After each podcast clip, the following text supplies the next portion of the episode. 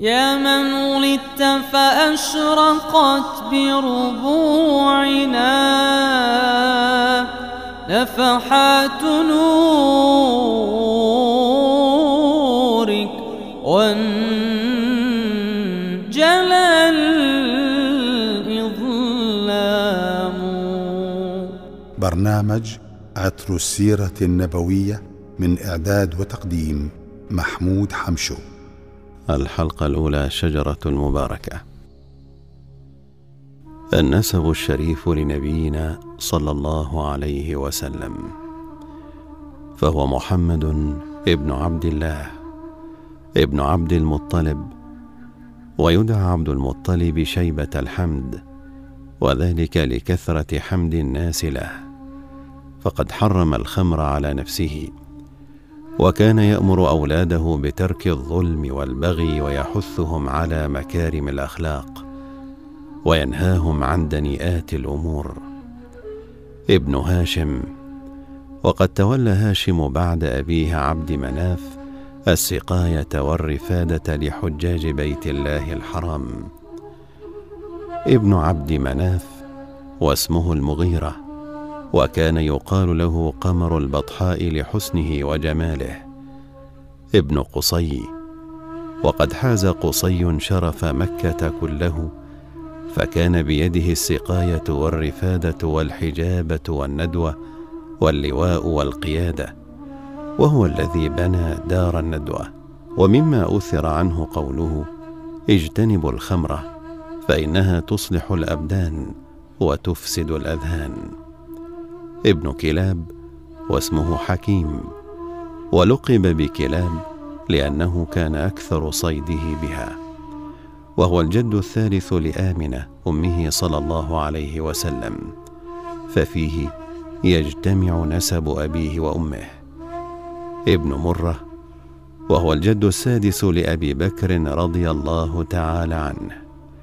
ابن كعب وكان كعب يجمع قومه يوم العروبة الذي هو يوم الجمعة يعظهم ويذكرهم بمبعث النبي صلى الله عليه وسلم ويخبرهم بأنه من ولده ويأمرهم باتباعه ويقول سيأتي لحرمكم نبأ عظيم وسيخرج منه نبي كريم.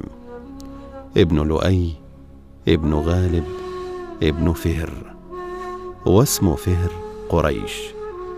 ومما يؤثر عنه قوله لولده غالب قليل ما في يديك أغنى لك من كثير ما أخلق وجهك وإن صار إليك. ابن مالك وقيل له ذلك لأنه ملك العرب. ابن النضر ولقب به لنضارته وحسنه وجماله. ويقال لكل أولاده قرشي. فقد سئل رسول الله صلى الله عليه وسلم من قريش؟ فقال من ولد النضر.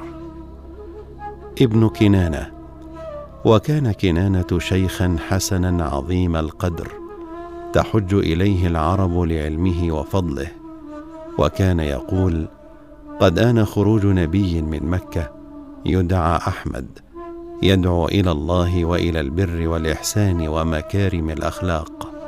فاتبعوه تزدادوا شرفا وعزا إلى عزكم. ولا تكذبوا ما جاء به فهو الحق. وكان كنانة يأنف أن يأكل وحده فإذا لم يجد احدا أكل لقمة ورمى لقمة إلى صخرة ينصبها بين يديه آنفة من أن يأكل وحده. ابن خزيمة ابن مدركة. وقيل له مدركة لأنه قد أدرك كل فخر وعز كان في آبائه. ابن إلياس وكانت العرب تدعوه بكبير قومه وسيد عشيرته ولا تقضي أمرا دونه. وهو أول من أهدى البدن إلى البيت وأول من ظفر بمقام إبراهيم عليه السلام فوضعه في زاوية البيت. ابن مضر وقد جاء عن النبي صلى الله عليه وسلم لا تسبوا مضرا فإنه كان على ملة إبراهيم وكان مضر من أحسن الناس صوتا وهو أول من حدا للإبل فإنه وقع فانكسرت يده فصار يقول يا يداه يا يداه. فجاءت إليه الإبل من المرعى فلما صح وركب حدا للإبل.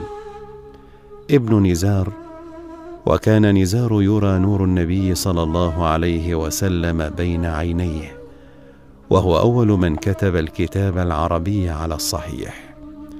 ابن معد وقيل له معد لأنه كان صاحب حروب وغارات على بني إسرائيل. ولم يحارب احدا إلا رجع بالنصر والظفر. ابن عدنان. وهذا هو النسب المجمع عليه في نسبه صلى الله عليه وسلم عند العلماء بالأنساب.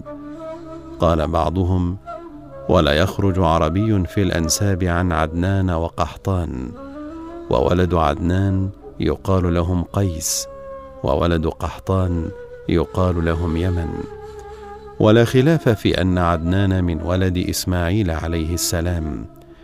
وإبراهيم عليه السلام هو الجد الحادي والثلاثون لنبينا صلى الله عليه وسلم. وإسماعيل أول من ركب الخيل وكانت قبل ذلك وحوشا لا تركب. ومن ثم قيل لها العراب وقد قال صلى الله عليه وسلم اركبوا الخيل فإنها ميراث أبيكم إسماعيل. وأعطى الله إسماعيل القوس العربيه وكان لا يرمي شيئا إلا أصابه. وفي الحديث أرموا بني إسماعيل فإن أباكم كان راميا. ومما يدل على شرف هذا النسب وعلو مكانته ما جاء في الجامع الصغير قريش صلاح الناس. ولا يصلح الناس إلا بهم كما أن الطعام لا يصلح إلا بالملح. قريش خالصة لله تعالى فمن نصب لها حربا سلب ومن أرادها بسوء خزي في الدنيا والآخرة. وقال صلى الله عليه وسلم لولا أن تبطر قريش لأخبرتها بالذي لها عند الله عز وجل وعن ابن عباس رضي الله تعالى عنهما قال في قوله تعالى وتقلبك في الساجدين قال عليه الصلاة والسلام من نبي إلى نبي حتى أخرجت نبيا لقد كان آباء النبي صلى الله عليه وسلم من نسيج فريد خصهم الله تعالى بصفات خيرية عظيمة. تحمل في طياتها كنزا عظيما لا يستأثر به فرد دون فرد ولا جيل دون جيل بل هو كنز لكل فرد ولكل جيل بل لكل الإنس والجن بل لكل الخلق أجمعين. كنز يزيد خيره ولا ينقص ويستمر ولا يتوقف يسعد كل إنسان بقدر ما يأخذ منه. ويزداد سعادة بقدر ما يعطي. قال تعالى وما أرسلناك إلا رحمة للعالمين. صلى الله وسلم على سيدنا محمد وعلى آله وأصحابه أجمعين. برنامج عطر السيرة النبوية من إعداد وتقديم محمود حمشو.